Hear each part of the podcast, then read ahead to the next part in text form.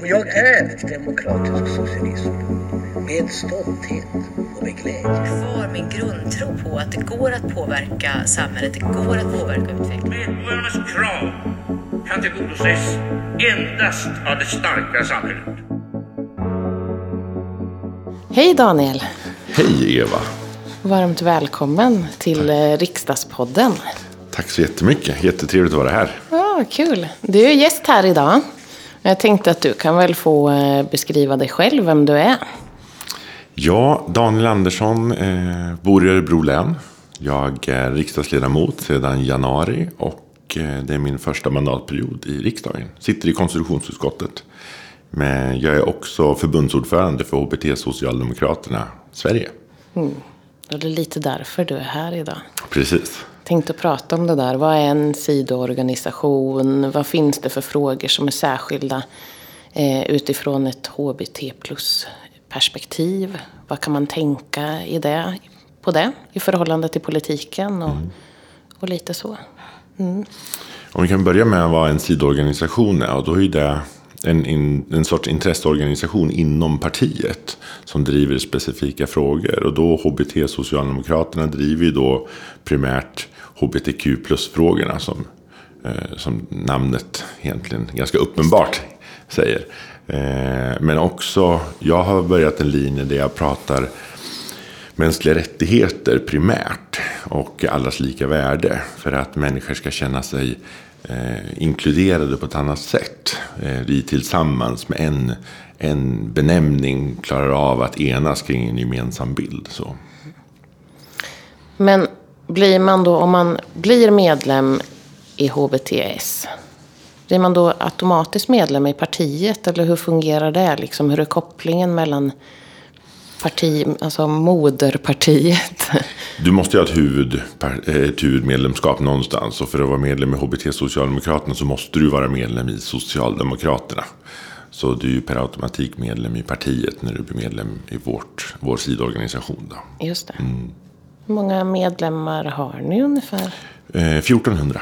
1400. Mm. Och växer stadigt hela tiden. Just det. Mm. Och då har de flesta kanske, eller är det så att man har liksom, man är med i både HBT Socialdemokraterna och i någon annan förening? Eller har man ofta sitt liksom huvudengagemang? Eller hur, hur är det med? Det är ganska varierande. Eh, men oftast, eller alltid skulle jag säga att man har ett medlemskap i en annan förening. Eh,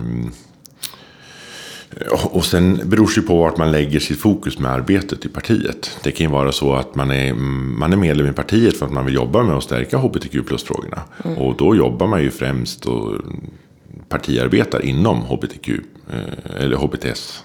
Eh, på mm. det distrikt som man bor och verkar i. Då. Men du då, när blev du medlem och varför var det här liksom, var det självklart? Och och eh, när du blev medlem i partiet, att det var just här du skulle vara liksom engagerad, eller hur? Nej, det var det inte alls. Tvärtom faktiskt. Jag har aldrig pratat om min, eh, min, min sexuella läggning eller att jag lever ihop med en annan kille. Eh, utan jag har aldrig egentligen kommit ut mm. i den bemärkelsen som man, ursäkta, som man idag eh, pratar om att man ska göra komma ut ur liksom garderoben är ju en benämning som ofta används. Eh, och jag var aldrig liksom en, eh, stod på barrikaden för de frågorna. Utan jag är ju egentligen skolad i arbetarkommun och S-föreningsrörelsen. Alltså den folkrörelsen. Sen eh, högg man tag i mig hemma i distriktet för man ville starta upp en sån, ett HBTS-distrikt.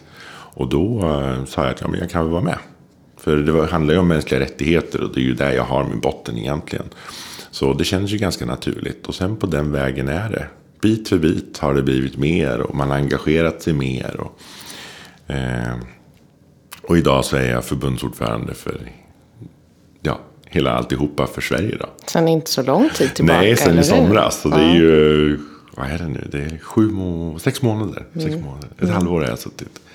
Och vi har gjort så mycket. Mm. Alltså vi har flyttat oss ljusår på så kort tid. Mm. Vilket faktiskt är oerhört uppskattat av medlemmarna i sidorganisationen. Man, man känner en väldig stolthet i att vara medlem. Eh, som man uttrycker Vilket är en, ett jättebra kvitto för oss i förbundsstyrelsen. Men var det självklart då? Och tacka ja till att bli förbundsordförande eller hur? Det var det inte. Långt ifrån faktiskt. Det var... Eh, jag tackade nej åtskilliga gånger när jag var tillfrågad. Eh, av olika skäl. Jag hade ju suttit i förbundsstyrelsen innan och så. Och jag, jag är ganska... jag är ganska eh, tydlig med hur jag tänker hur en organisation ska se ut och fungera för medlemmens skull och för utvecklingen av de frågorna. Och om jag inte upplever att man är på väg åt det hållet, om man inte tar till sig det, då uttrycker jag det. Eh, och jag känner inte att jag kan lägga energi på något som jag inte får ut någonting av. Så jag kliver av förbundsstyrelsen i det här fallet. Eh, men ett och ett halvt år senare vart jag ju tillfrågad att bli förbundsordförande. Så någonting i det jag uttryckte var väl en sorts tänd hatt, tror jag. Men, men det är ju precis som vår rörelse i allmänhet egentligen. Den behöver ju konstant utveckla sig och förflytta sig. Det är det som är liksom politikutvecklingen i det. Oavsett vilken sidoorganisation det är. Eller om det är en S-förening eller om det är en arbetarkommun. Hela tiden måste det röra på sig. Eh, och det var liksom det jag såg i min, mitt förbund som vi behövde göra. Vi behövde flytta fram positionerna. Men jag tänkte eh, komma tillbaka till det där du sa att vara liksom eh, tydlig med sin sexuella läggning eller inte. För jag, har- jag har tänkt på det där. För att det är ju inte så att, att man... Jag tycker det är så märkligt. Jag pratar ju inte heller om det. Om jag är, vem jag lever tillsammans med eller inte. Men liksom, det blir sån, en, en konstig situation i att många som då är HBTQ plus känner att man måste göra det eller måste man inte. Hur man ska förhålla sig till det. För det är ens privata liv. Och det är klart att vi använder oss av det ofta som en botten när man är politiker. Att man sådär, men jag är förälder, så jag, eller jag är kvinna, så att, ja men så, jag förstår det här. Men, men det är också en konstig, eh, hur, hur går liksom tankarna hos dig och hos andra i HBT Socialdemokraterna? Finns det olika sätt att se på det och så? För vissa så är det ju jätteviktigt att få göra den här resan, att komma ut. För det är ju en sorts kvitto för en själv att man har tagit det steget. Man vågar liksom vara sig själv. Men det kan ju vara mycket som bottnar i att man har haft det jobbigt tidigare och innan. Eh, Jag, anledningen till att jag inte gjorde det var att jag såg ingen anledning till att jag var tvungen att göra det. det var, jag hade ingen skyldighet gentemot någon annan att berätta vem jag levde ihop med och sådana saker. Det, det, det är ju min enskilda eh, ja, mitt liv, mitt privatliv helt enkelt. Och det måste man ju få ha så. Sen, sen blir det ju lite roliga situationer som uppstår när folk pratar med en om att ja, men hur är det med din, din flickvän? Och jag bara, men min kille, han har det jättebra. så det, det, det kan uppstå lite sådana här roliga situationer, men då måste man också vara beredd på att kunna hantera det på det sättet. Eftersom jag inte officiellt har kommit, nu har jag ju gjort det i flera sammanhang, men tidigare inte har gjort det. Då måste man också kunna bjuda lite på att det finns en viss, eh, vad ska man säga, förståelsen för att jag är inte, att jag inte är hetero är inte riktigt uppenbar. Så, normativt.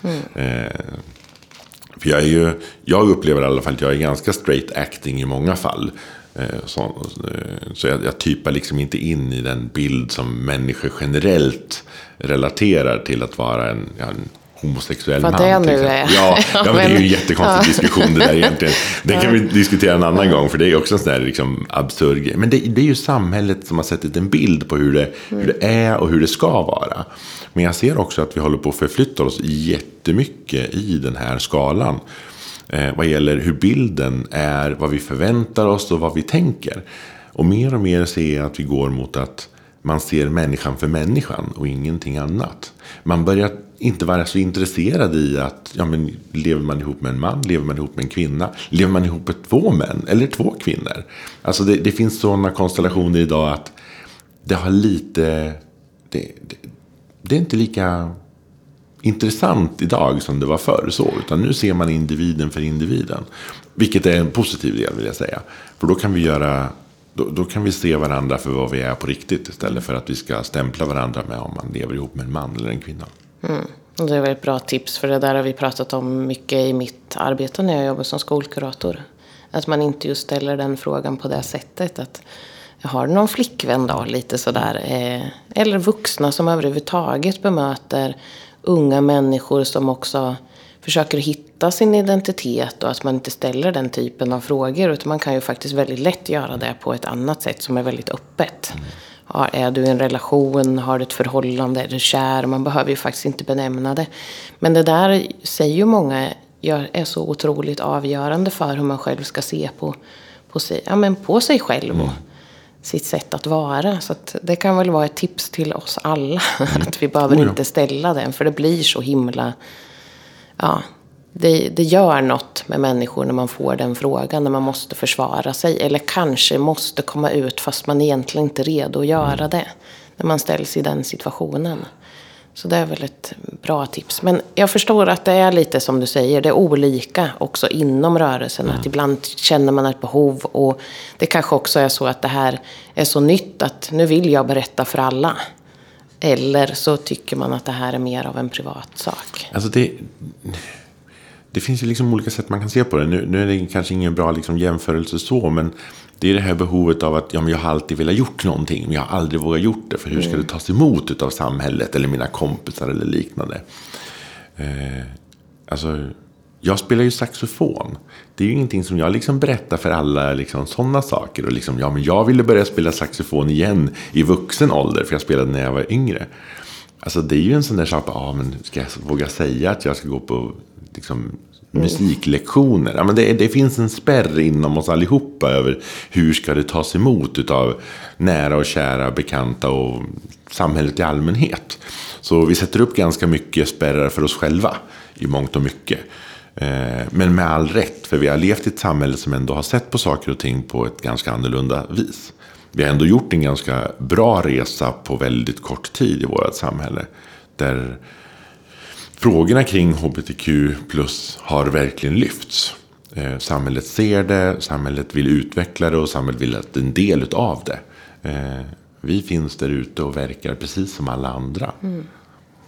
Men varför, på vilket sätt är det viktigt att HBT och Socialdemokraterna finns? Och vad skulle det göra för skillnad om ni inte fanns som organisation?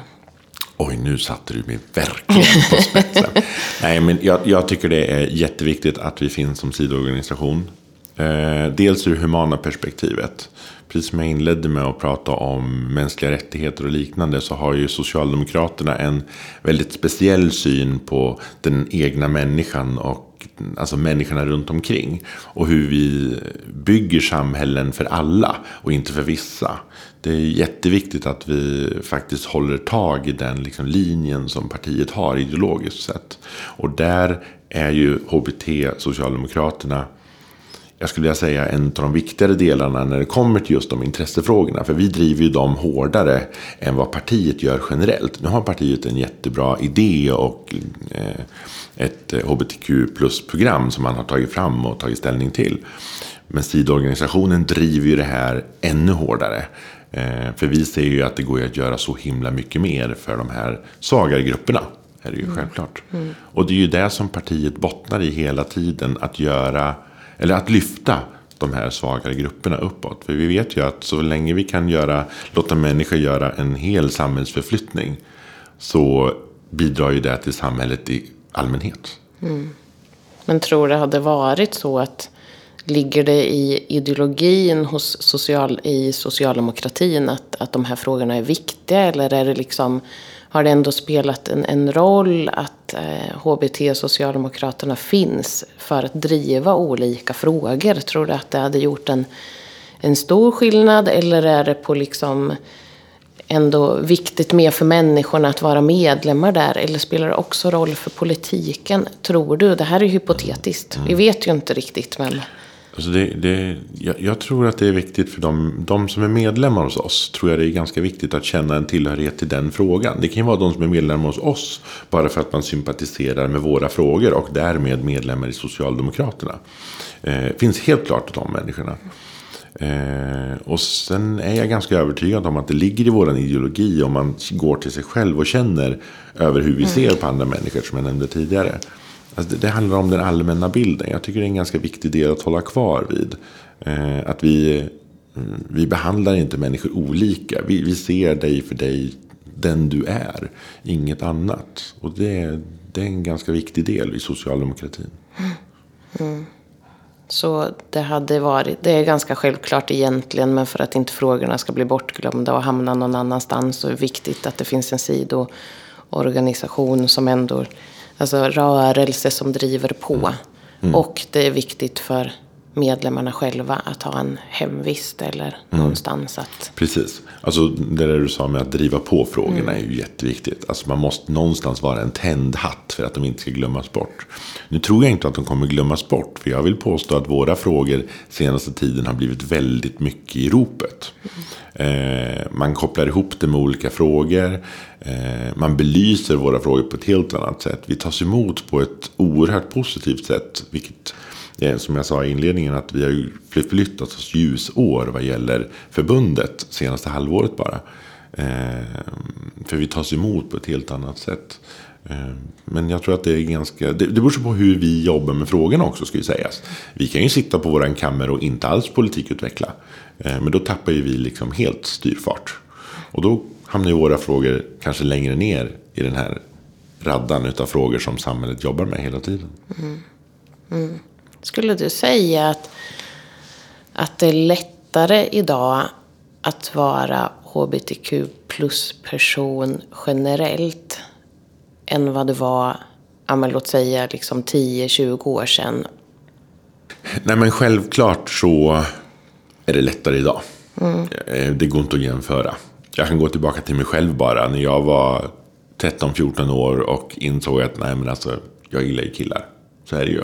Men det var inte alls självklart för mig att jag skulle kunna säga det rakt ut till någon. Tvärtom faktiskt. Väldigt hämmande eh, kändes det som. Jämfört med idag, och går vi ännu längre tillbaka förresten, då är det ju ännu svårare.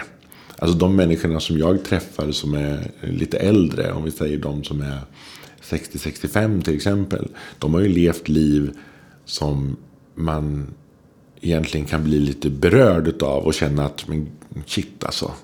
Vad har du fått gå igenom? Men de ska- har också tagit striden för att vi ska ha det samhället vi har idag. Och ungdomar idag som är 14, 15, 16 år. De kan ju på ett helt annat sätt vara öppna med sin läggning till exempel. Ja, men jag minns det för att jag har jobbat inom äldreomsorgen. Till exempel. Träffat många för att jag har jobbat med äldreomsorgsfrågor och sådär. Eh, jag har träffat många äldre som har täckt sin läggning. Alltså försökt att leva ett så vanligt liv som möjligt för att ingen ska liksom upptäcka. Men har varit, alltså det är precis som du säger, en oerhörd sorg i det. Jag har en, eh, en liten personlig grej jag kan dela med mig av. Det är, eh, eh, det är en släkting nu då. Han har gått bort sedan en tid tillbaka. Då. Han var 92 när han gick bort. Eh, och när han var, jag tror han var 90 år när jag pratade med honom.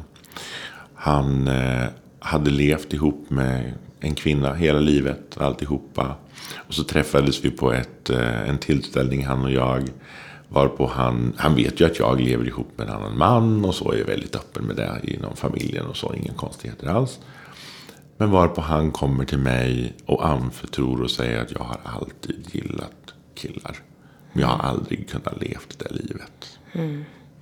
Det gjorde lite ont att höra. Verkligen. Här var han 90 år och berättade det för mig. Eh, en nära liksom, släkting så. Ingen annan vet om det här. Han, hade all, han sa jag har aldrig berättat det här för någon annan. Men jag vill säga det till någon. Så då sa han det till mig. Så jag har hållit det för mig själv. Jag har inte sagt det till någon annan.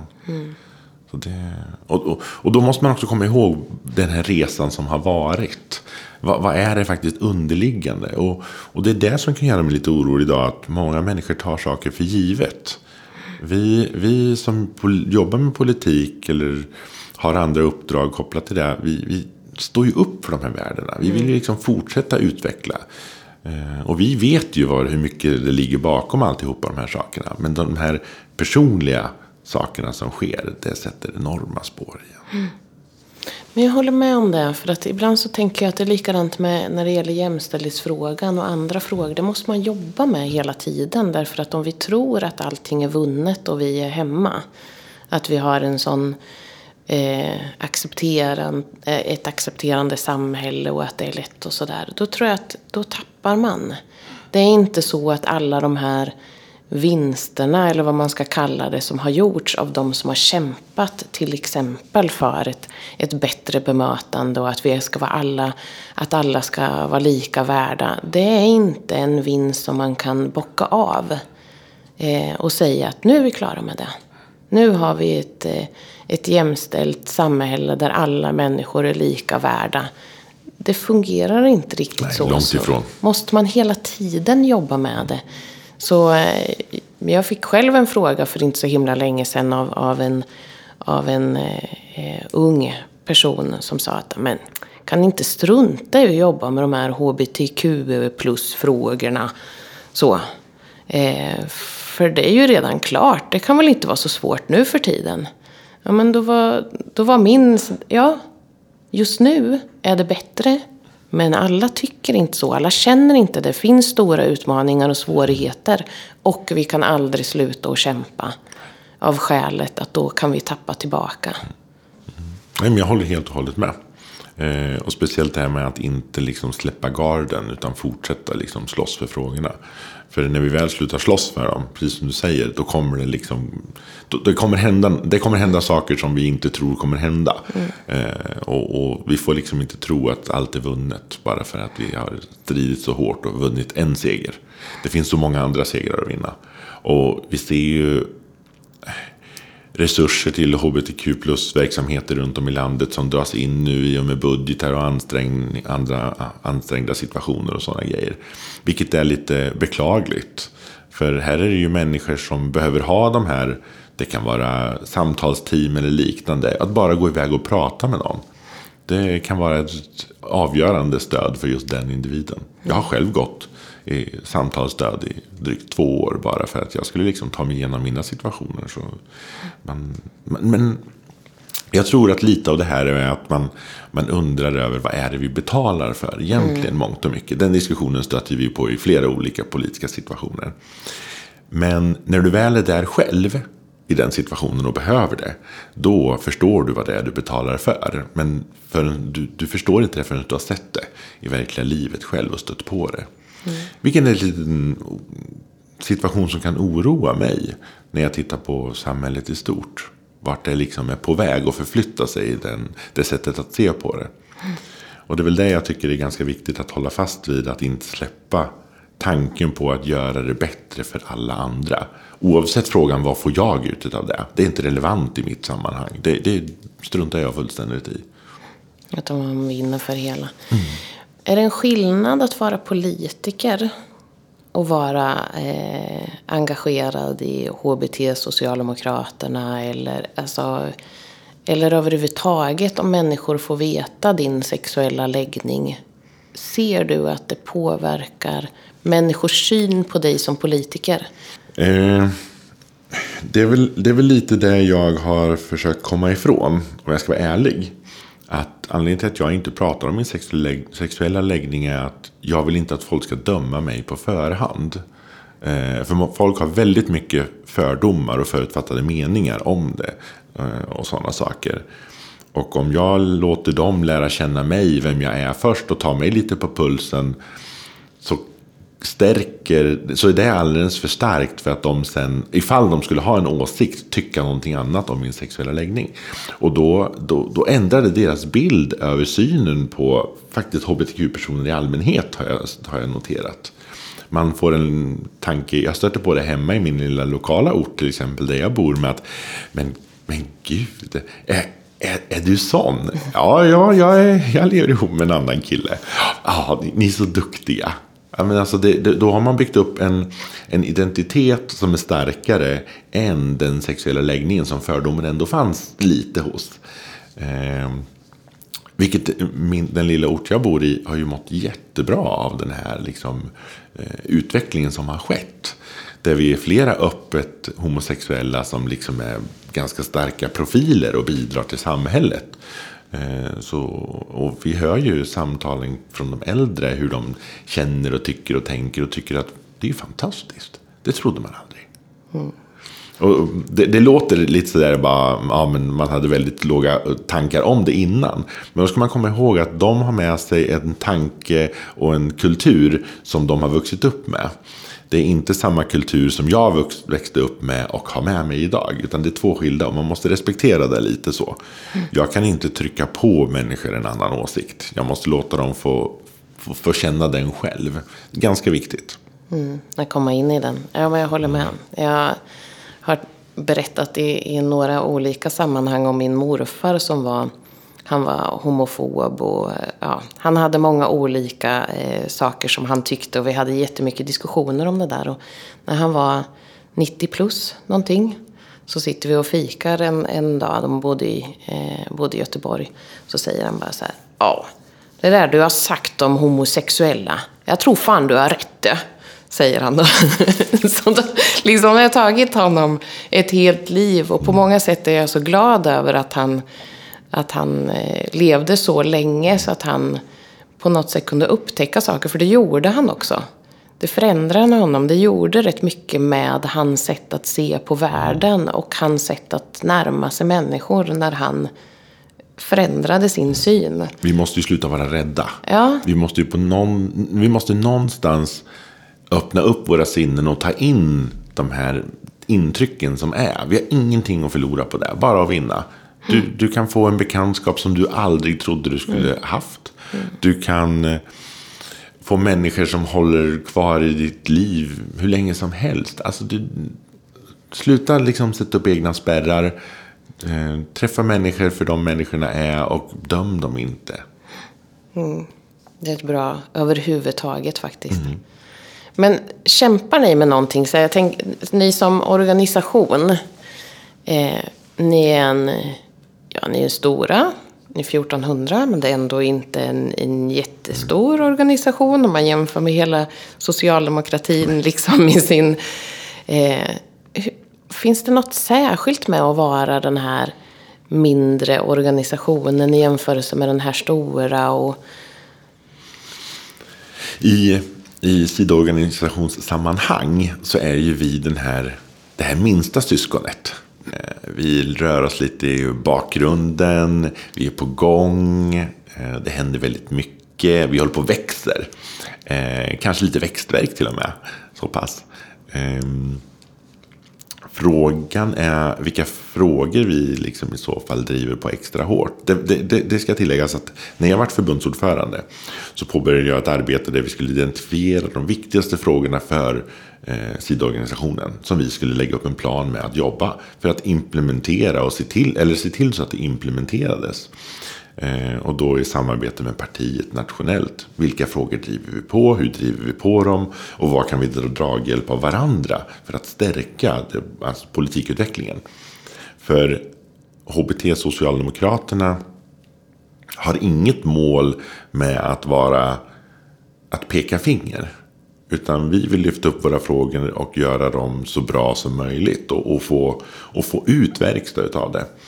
det. Det är skillnad att vara den lilla i det stora av positiva skäl skulle jag vilja säga. Dels har vi under lång tid inte riktigt tagit plats som vi har kunnat tagit plats.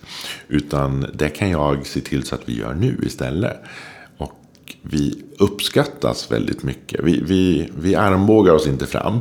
Vi tar oss fram i dialog och diskussioner och tillsammans. Jätteviktigt det här. Eh, det finns de inom min rörelse som tycker att vi ska vara mera, liksom peka med hela handen och säga att nu får det vara nog, vi ska göra pang, pang, pang så här. Det är inte riktigt min taste of spades. Jag, eh, jag är mera för att sitta ner och resonera och diskutera. Och jag känner att vi får gehör för det. För vi är den här mogna lilla syskonet i skaran. Som kliver in till bordet och säger, hur utvecklar vi det här? Hur gör vi någonting bra av det här tillsammans? För det handlar ju om att vi ska driva en politik som gör att fler människor röstar på Socialdemokraterna. Fler människor ska inte rösta på HBT Socialdemokraterna. De ska rösta på partiets ideologi och partiets tro på den politik man vill bedriva.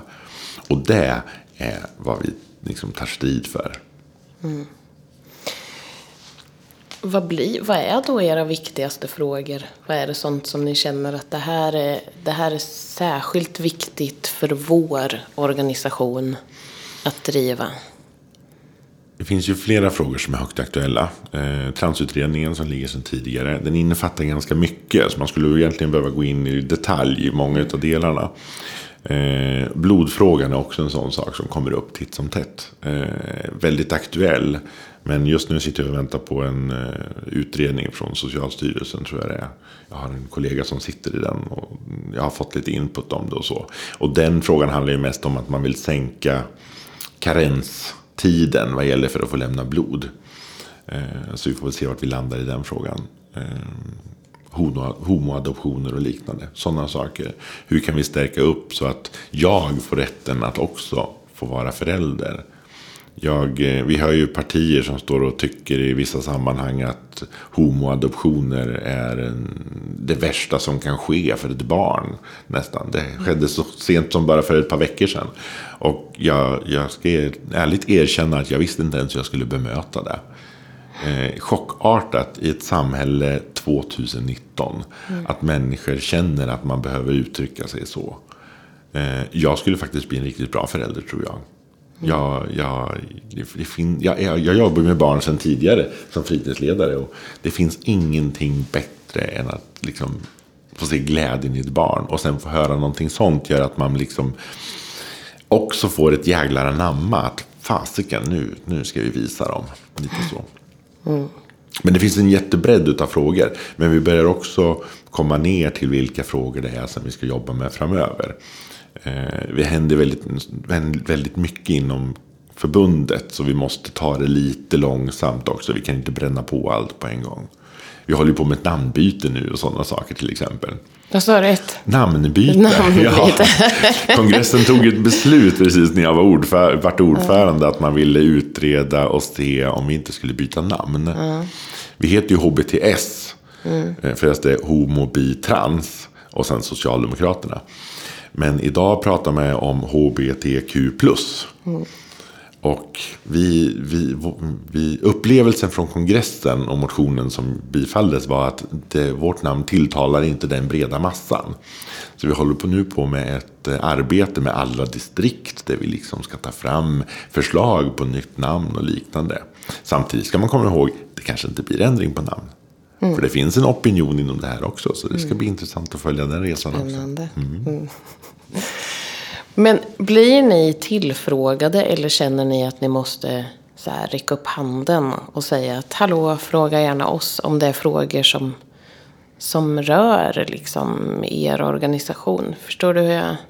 Tänker du på partiet? Ja, jag tänker partiet. Så här. Är det någon fråga som är på gång? Är det så att man tar kontakt med er eller måste ni? Man gjorde inte det förr. Mm. Men man gör det nu. Mm. Eh, vilket är ett jättebra kvitto från vår sida. Eller för oss mm. att ha.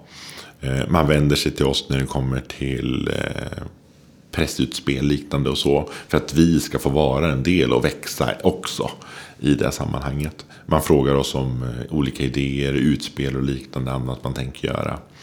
Eh, ministrarna vill träffa oss och utveckla politiken. Eh, våra frågor, hur vi tänker och sådana saker. Fackligt också har vi ett jättestort stöd. Eh, så vi är på väg verkligen in i både, ja, i samtliga rörelser. Så det, det, det, är också det som gör att det känns så jäkla kul att hålla på med det här också. För det händer ju så mycket. Jag hoppas att jag har lyckats beskriva det på något sätt. Liksom alla de här delarna som sker. För det är väldigt mycket och det, det är svårt att komma ihåg allt som faktiskt händer. Mm.